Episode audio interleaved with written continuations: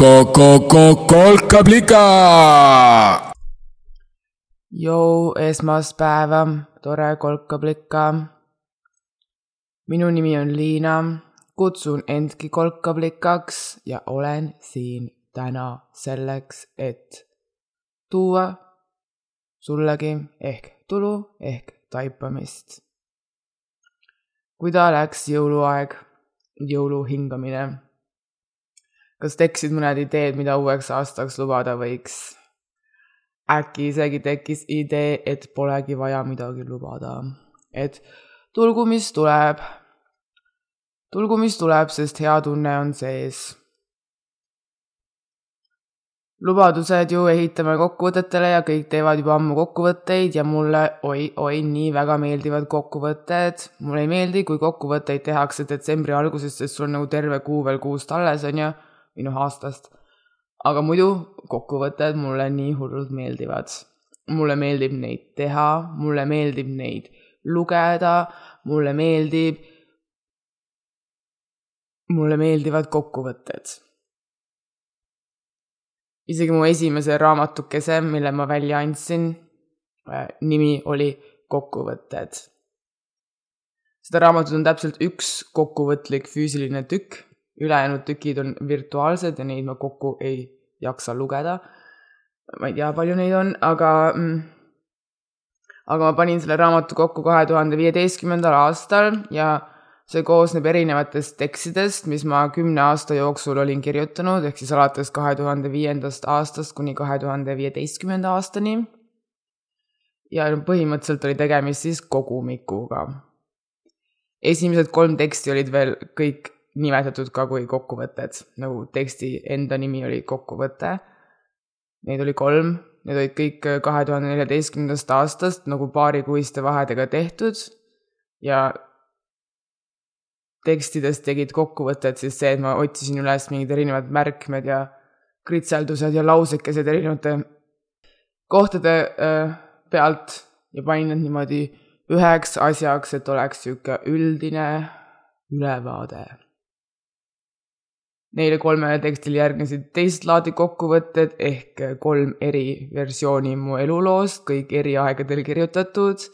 Neist kõige pikem oli kõige varasem, aastast kaks tuhat viis või kuus, kui ma olin siis neliteist või viisteist. minu arust on see päris napakas, et mu esimene elulugu on kõige pikem, sest nagu eeldaks ju, et kui äh, elu nagu on rohkem elatud, et see on nagu pikem tekst ka, aga noh. kokkuvõttes ju, kokkuvõtte pikkus oleneb sellest, et millal on fookus ja mida nagu üritatakse kokkuvõttega kuulda või näha, on ju. ja tegelikult mulle just meeldib, meenus, et mul, ma olen veel vähemalt kaks raamatut oma elus teinud mis mõlemad olid ka põhimõtteliselt kokkuvõtted ja need on umbes kümme aastat vanad nüüd juba. esimene neist oli kokaraamat, mille ma panin kokku koos oma sõpsidega, teiste kolkaplikadega, meie korterikaaslasele kingituseks, koosnes siis retseptidest. ja teine raamat oli, selle nimi oli Saturni raamat.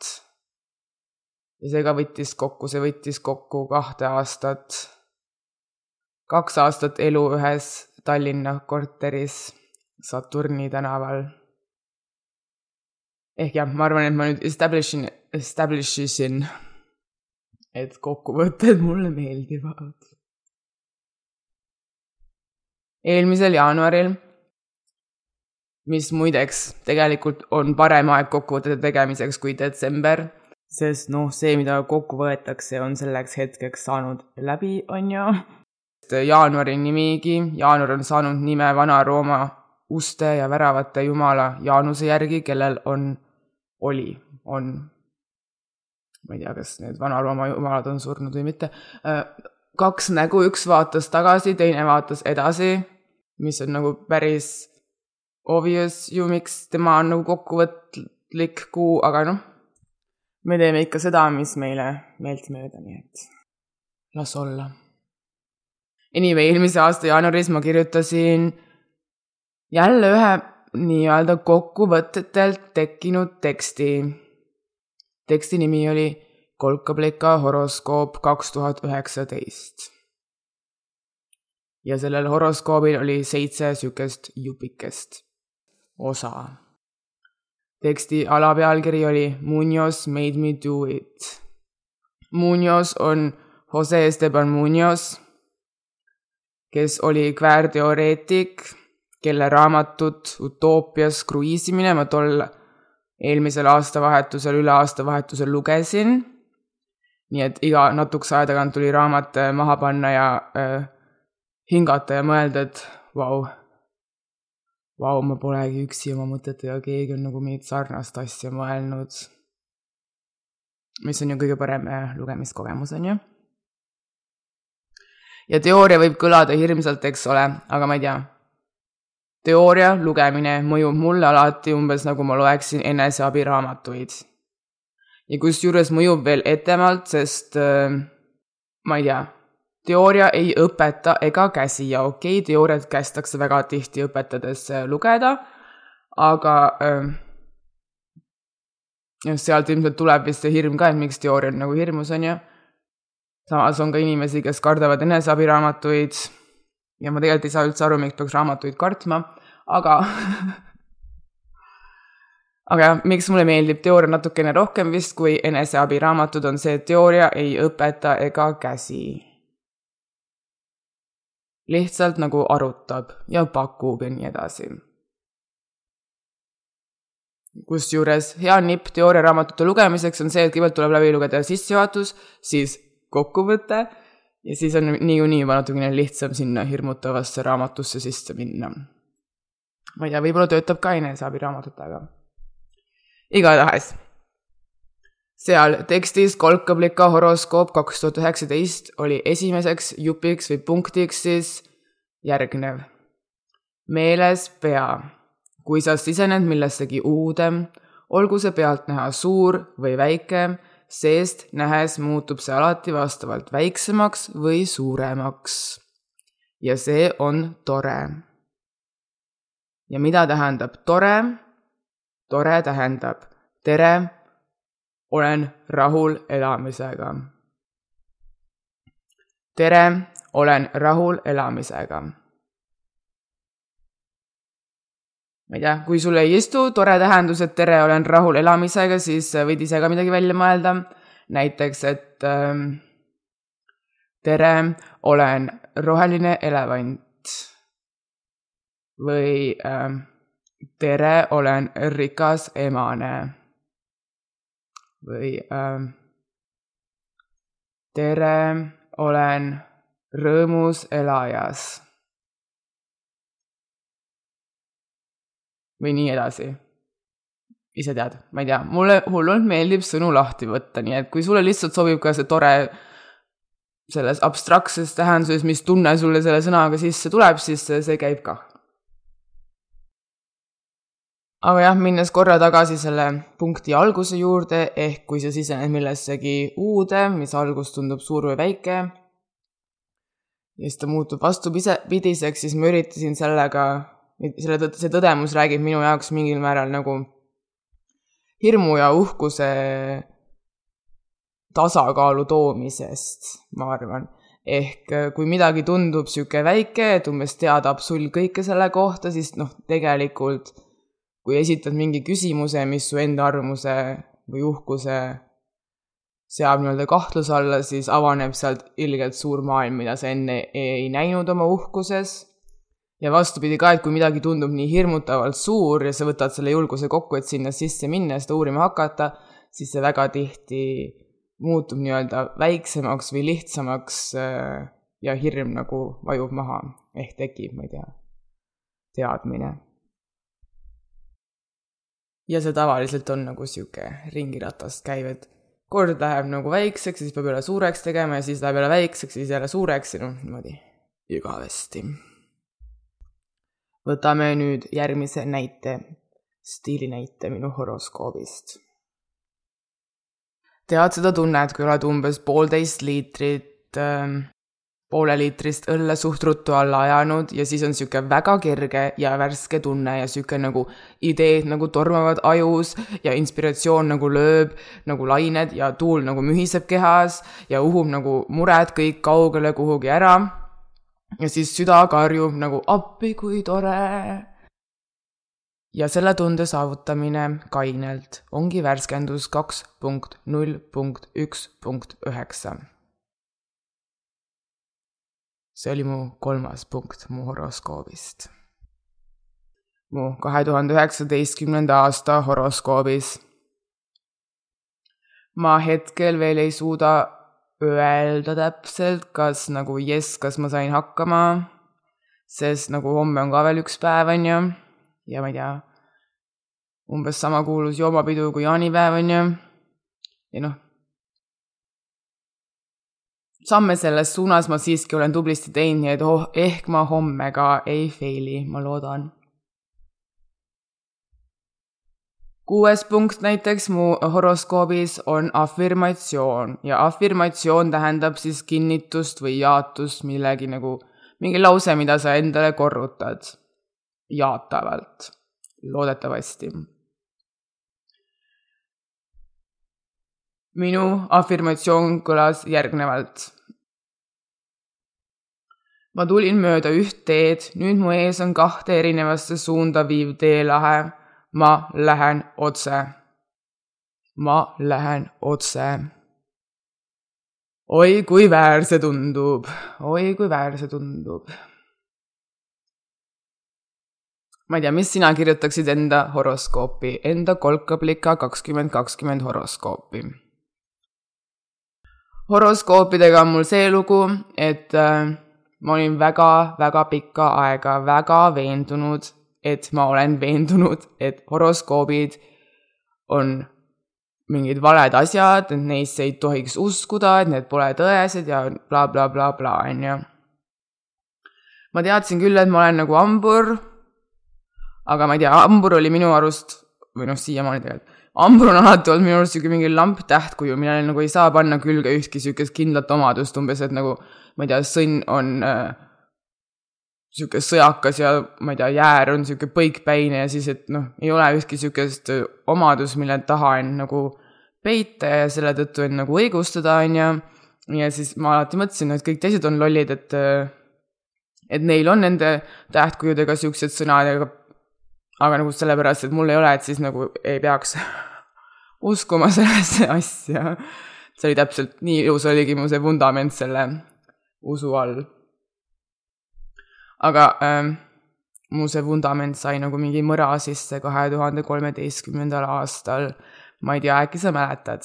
siis tuli Elu kahekümne neljas välja uudis, et kuskil, ma ei tea, kus said kokku mingid astroloogid, kes olid äh, arutanud ja vaadanud taevast ja nagu välja mõelnud, et äh, taevas on vist tegelikult nagu muutunud või noh, tegelikult teadus oli avastanud, et maakera polegi nii perfektselt ümmargune, kui me arvasime, et on tegelikult natuke nagu niisugune lapikum, mis kõlab valesti ja mitte nii, nagu see kõlas idee on see, et ta on nagu natuke rohkem munalik, et, et see, mis on ümbermõõt, ei ole sama pooluselt poolusele, kui on mööda ekvaatorit, et vist pooluse, poolustelt poolusele on natukene, natuke lühem vist.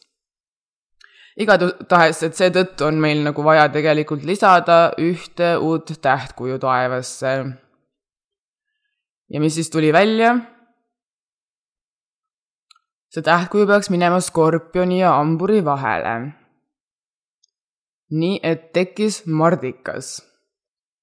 siis oli hull segadus, sest kõik, kõigil natukene seetõttu nihkusid väga paljude inimeste tähtkujud ja siis kõik said natuke uusi, onju.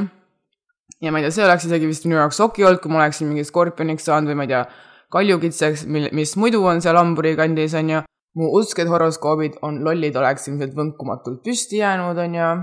Aga no muidugi mina pidin saama selleks mardikaks ja see nii viis mind endast välja, sest see Elu24 artikkel umbes kirjutas ka, et mardika ainsad no umbes veel ei teada täpselt, mis tema iseloomuomadused on, on ju, aga seda me teame kindlasti, et ta on ülearu enesekindel ja põhimõtteliselt nagu kui sa oled mardikas, siis sa siis sul nagu veab, kui sa oled ainult meessoost mardikas, siis nagu meessoost enesekindlusega sa lööd läbi, aga nagu põhimõtteliselt jah, noh, mul jäi mulje, et nagu kui ma olen naine Mardikas, ma olen täiesti nagu doomed.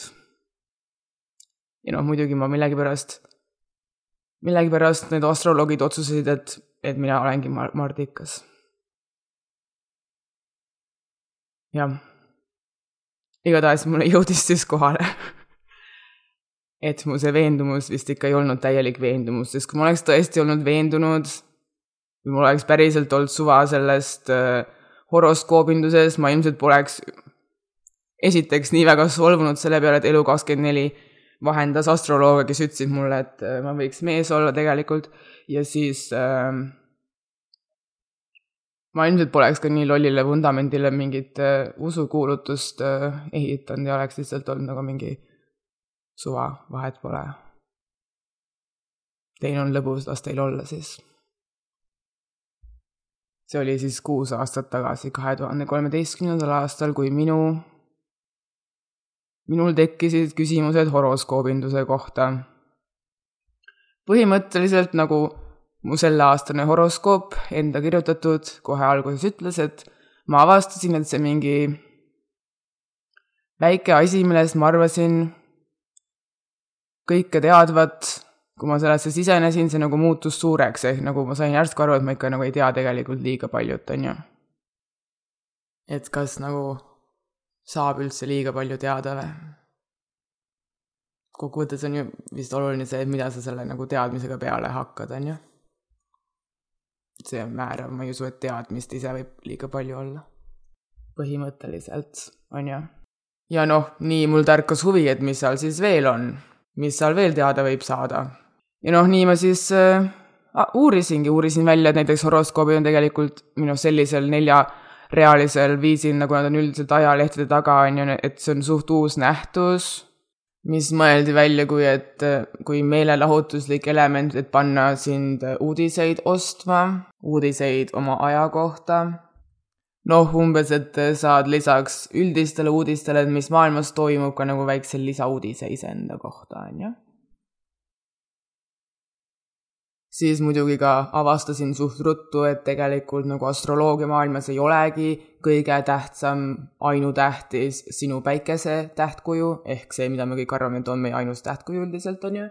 et seal on veel lisaks äh, kuu tähtkuju, ehk kus kuu oli sel hetkel, kui sina sündisid, või siis äh, on seal see tõusev tähtkuju, et mis tähtkuju oli idakaarelt tõusmas tol hetkel, kui sa sündisid ja et tegelikult on ka kõigi planeetide asukohad tol hetkel taevas väga olulised sinu elule. ja et siis seal on veel need mingid majad, on ju.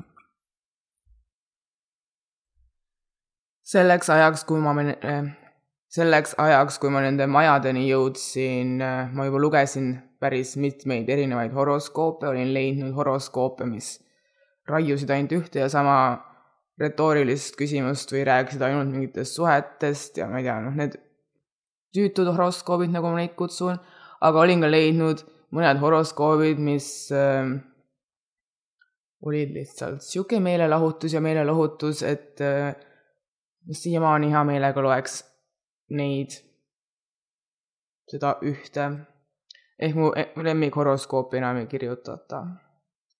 mu lemmikhoroskoop oli ajakirjas Mask Magazine, maski ajakiri seda kirjutas Corina Dross. ja ta kirjutas nii hästi, et ma lõpuks lugesin nagu kõiki horoskoope, mis ta üldse välja andis, ta kirjutas neid igakuiselt, nii et see ei olnud nagu mingi tohutu kogus igapäevaselt lugeda, aga nagu nii ilusad tekstid.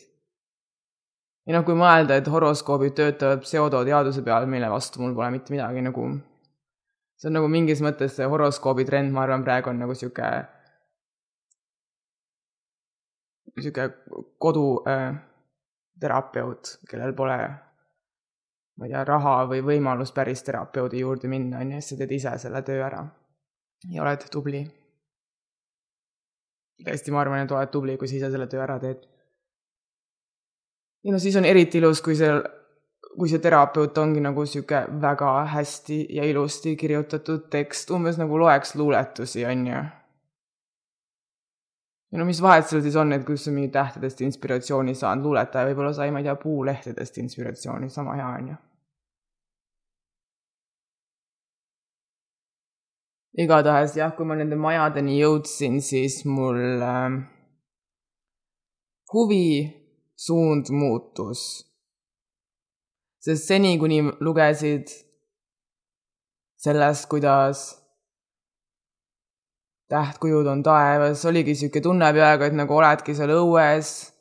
mina, kes ma romantiseerin väga seda fakti, et mina olen sündinud pimedusse, pärastlõunasesse pimedusse, on ju, ja siis kujutadki ette, kuidas ma ei tea, see ema, kelle küljest sa oled just lahti lõigatud saanud, sulle näitab, et vaata seal. Paistab see kuu e, kuu on täpselt skorpioni tähemärgi keskel, on ju, ja siis vaatad sealt idast tõuseb praegu see vähikuju, tähtkuju. ja siis vaata, seal on Saturn ja seal on Jupiter ja nii edasi, nii et oligi see tunne, et sa oled nagu õues ja vaatad tähti, et see on nagu silmale nähtav, on ju siis too hetk, kui ma jõudsin nende majadeni ja hakati rääkima selles, et kuidas taevas on jaotatud kaheteistkümneks sektoriks, mis on veel, need sektorite nimed on majad, nii et sul on nagu sihuke sektoritest koos, ma ei tea, majakompleks on ju. No siis neid ei näe ju silmaga, et seal oleks mingid jooned taevas, ehk tuleb ruttu meelde, et keegi kuskil kunagi ilmselt sai tähtedest inspiratsiooni, nägi seal neid sektormajasid joonistas mega hea pildi, nii et keegi tahtis seda ära osta, sest noh, kui on hea pilt joonistatud, on ju, siis sa maksad selle eest, eks ole. ja siis talle meeldis äkki see pilt nii väga, et ta nagu veel tegi koopiaid, on ju, et saada nagu teistele ka jagada seda head kunsti, sest noh, seda me teeme, on ju, jagame head kunsti. ja siis niimoodi kuidagi nagu läbi aegade tekkiski niisugune tunne, et see vist nagu ongi niimoodi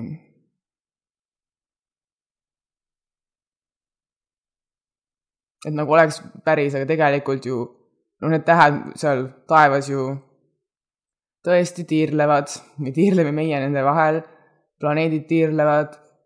Ja ma täitsa usun, et seal võib olla mingisuguseid mõjusid mulle, ma ei tea, kuu paneb tõusud ja mõõnad merre, on ju, ja päike annab mulle D-vitamiini, ma ei tea, miks ei peaks Jupiter mulle mingisuguseid signaale saatma, täitsa võimalik, aga kokkuvõttes ju see, mis see tõlgendus on või mida see tähendab, on äh, meie inimeste poolt välja mõeldud, on ju.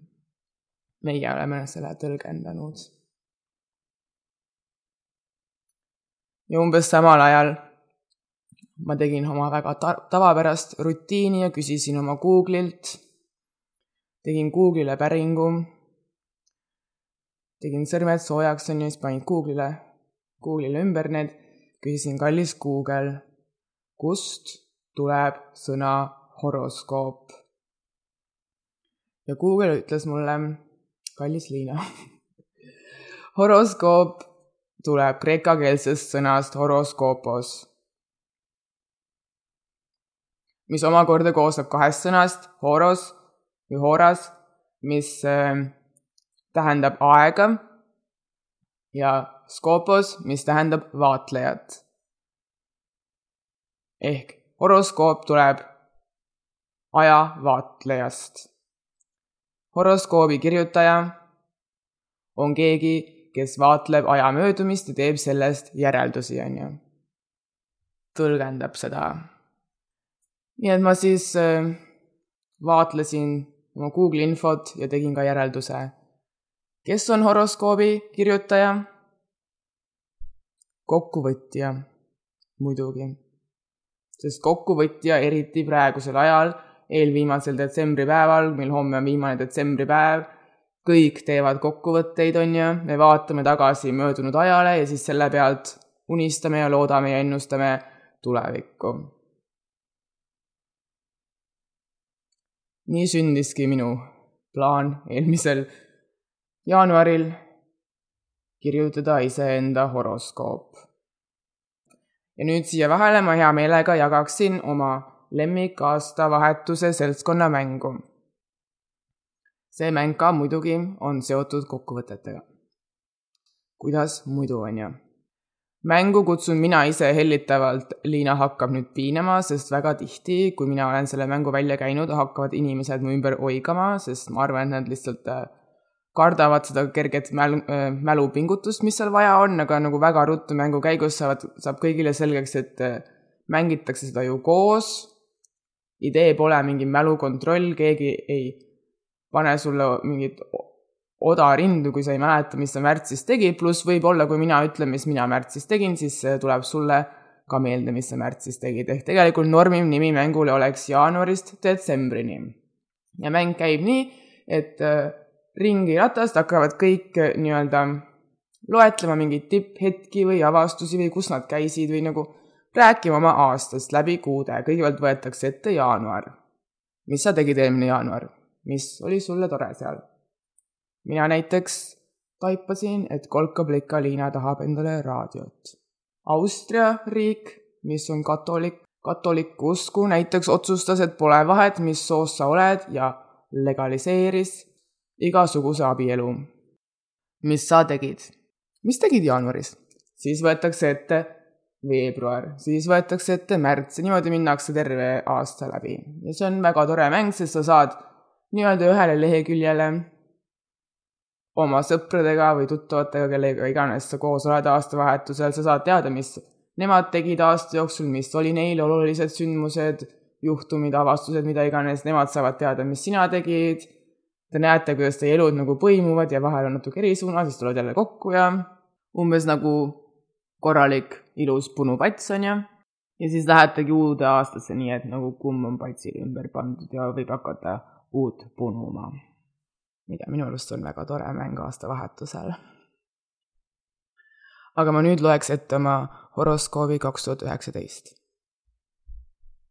esiteks, meeles pea, kui sa sisened millessegi uude, olgu see siis pealtnäha suur või väike, seest nähes muutub see alati vastavalt väiksemaks või suuremaks ja see on tore. teiseks, uue aasta lubadus ma hakkan rääkima. kolmandaks, värskendus kaks punkt null punkt üks punkt üheksa. värskendus kaks punkt null punkt üks punkt üheksa on saavutada kainelt sama rõõmustunne kui kergelt tipsilt. neljandaks, soovitus joo sõpsidega kellukest ja be happy. Happy tähendab halasta alpilt põrgus põlejatele yin-yang. viiendaks küsimus. kuhu liigub horisont? Kuuendaks afirmatsioon, jaatav kinnitus. ma tulin mööda üht teed nüüd mu ees on kahte erinevasse suunda viiv teelahe. Lähen otse, lähen otse. oi, kui väär see on. seitse. meeldetuletaja jäta, et abinõu pühitseb alati eesmärgi ja mitte vastupidi. Ja ma tõesti tunnen, tõesti tunnen täna, kolmekümnendal detsembril, et see aasta mul oli rohkem julgust minna oma teed ehk minna otse, et kui tavaliselt on tunne, et ühed lähevad sinna ja teised lähevad sinna, ma ka nagu peaksin nende järgi valima, et siis seekord ma tahtsin, miks ma selle endale sinna kirjutasin, on ju, tahtsin minna oma teed. Ja mis siis juhtus? mis on nende sammukestega seal murul, kus ei tohi käia, sest sind kutsutakse kohe eesliks, aga võib-olla sellepärast ma olengi hambur, on ju, et hambur on ju nagu ka pool eesel, on ju. ma tõesti tundsin, et avanes ka uus horisont. sest noh, kui sa liigud, siis tuleb ju uus horisont ja tulevad nähtavale uued asjad. ja umbes niisuguse poole tee peal jõudis mulle kohale, et see väär ei olnudki kogu sõna, mis ma seal nägin. et kõigepealt tuli veel sammudena välja T, siis tegin veel ühe sammu, tuli U, S, L, I ja ma arvan, et homme õhtuks on see K ka kohal, on ju. ehk kokkuvõtvalt ma olen oma horoskoobiga väga rahul, annan hindeks viis pluss. Ja sellega ma mõtlesin, et äkki sa tahad ka endale teha horoskoopi. täiesti iseenda oma horoskoopi.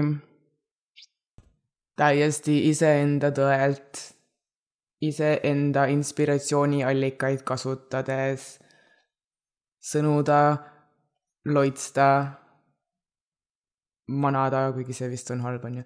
Ehm, oleneb, mida sa mõtled manamisega, endale uut aastat proovida ennustada, mis võiks tulla järgmisel aastal. minu horoskoop sai üles ehitatud seitsmest punktist, eks ole, ja ma mõtlesin, et sa võid ka neid jälgida, kui tundub esmalt liiga suur hirm seda horoskoopi niimoodi kirjutama hakata lambist, on ju kuigi lamp on just hea asi, millest kirjutama hakata, sest praegusel aastaajal lambis ju pirn põleb, on ju. aga tõsi, kui praegu äh, pirn kohe põlema ei läinud, siis aitab ju, kui on inspiratsiooni võtta tähtedest, ehk äh, mul on siis pakkuda seitse tähe kombinatsiooni, mille alusel ma ka kirjutasin oma eelmise aasta horoskoobi ja kirjutan ka see aasta. esiteks minu esimene punkt oli ju põhimõtteliselt üks tõdemus. üks tõdemus, taipamine, arusaam millestki, mis on sulle oluline, mida sa tahaksid endaga uuel aastal meeles hoida. mille meeles hoidmine tundub väärtuslik näiteks. esimene punkt on siis tõdemus. teine punkt oli mul ju lubadus, uue aasta lubadus no minu uue aasta lubadus selleks aastaks oli, et ma hakkan rääkima ja ma tean, ma nagu luban kõige imelikumaid asju üldse. see on jutt üheks kunagi tuleviku korraks, aga see võib ka olla mingi sihuke klassikalisem äh, uue aasta lubadus. näiteks, et helistan iga nädal oma vennale. ehk teine punkt on uue aasta lubadus. kolmas punkt oli siis värskendus või nii-öelda siis update seekord siis kaks punkt null punkt kaks punkt null. ma arvan, et värskenduse puhul on oluline see, et see ei ole mingisugune kardinaalne muutus, et või sedasorti lubadus, et seda teen ja või siis läheb kõik umbes halvasti, see on lihtsalt sihuke veits lihvimine või lakkimine või õlitamine, et nagu väike sihuke värske tuul tuleb sisse ja kõik on natuke parem nagu juukseotste lõikamine, midagi sihukest. mida värskendaks? kolmas punkt, värskendus kaks punkt null punkt kaks punkt null. neljas, värskendusele järgnes soovitus. mida sa soovitaksid endale järgmiseks aastaks? Soovita kui sõber, sellepärast et äh, mina olen vähemalt enda puhul tähele pannud, et ma olen sõpradele soovitustes palju sõbralikum kui iseendale. ja ma arvan, et äh, horoskoobis on oluline olla enda suhtes ka sõbralik, on ju. ehk mida sa soovitaksid iseendale, on neljas punkt. viies on küsimus. see punkt peaks toitma sinu uudishimu, ehk kui sa ähm, mõtled, et mis küsimus see võiks olla, siis see võiks olla midagi, mida sa sooviksid, et sa aasta lõpuks teaksid, sa teaksid vastust sellele küsimusele, näiteks, et mis on ookeani põhjas või kas mul on liiga valged hambad või kuidas olla lahkem endaga näiteks, noh, kõik sobib, peaasi, et on huvi olemas. viies oli siis küsimus kuues on afirmatsioon ehk kinnitav jaatus. mis on midagi, mida sa tahaksid endale korrutada, mille korrutamisest ehk tuleks tulu, ehk tuleks taipamist näiteks. või mingi muutus. ja siin jäta meelde jaatus, mitte eitus.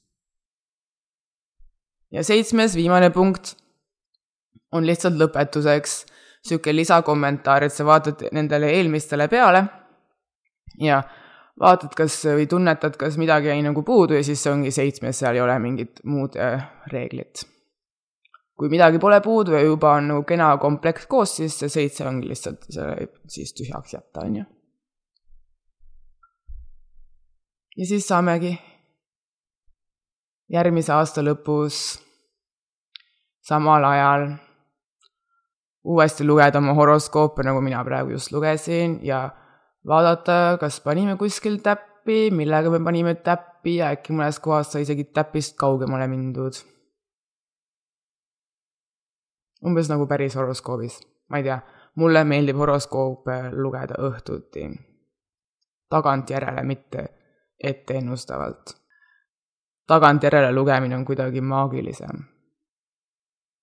on kuidagi maagilisem.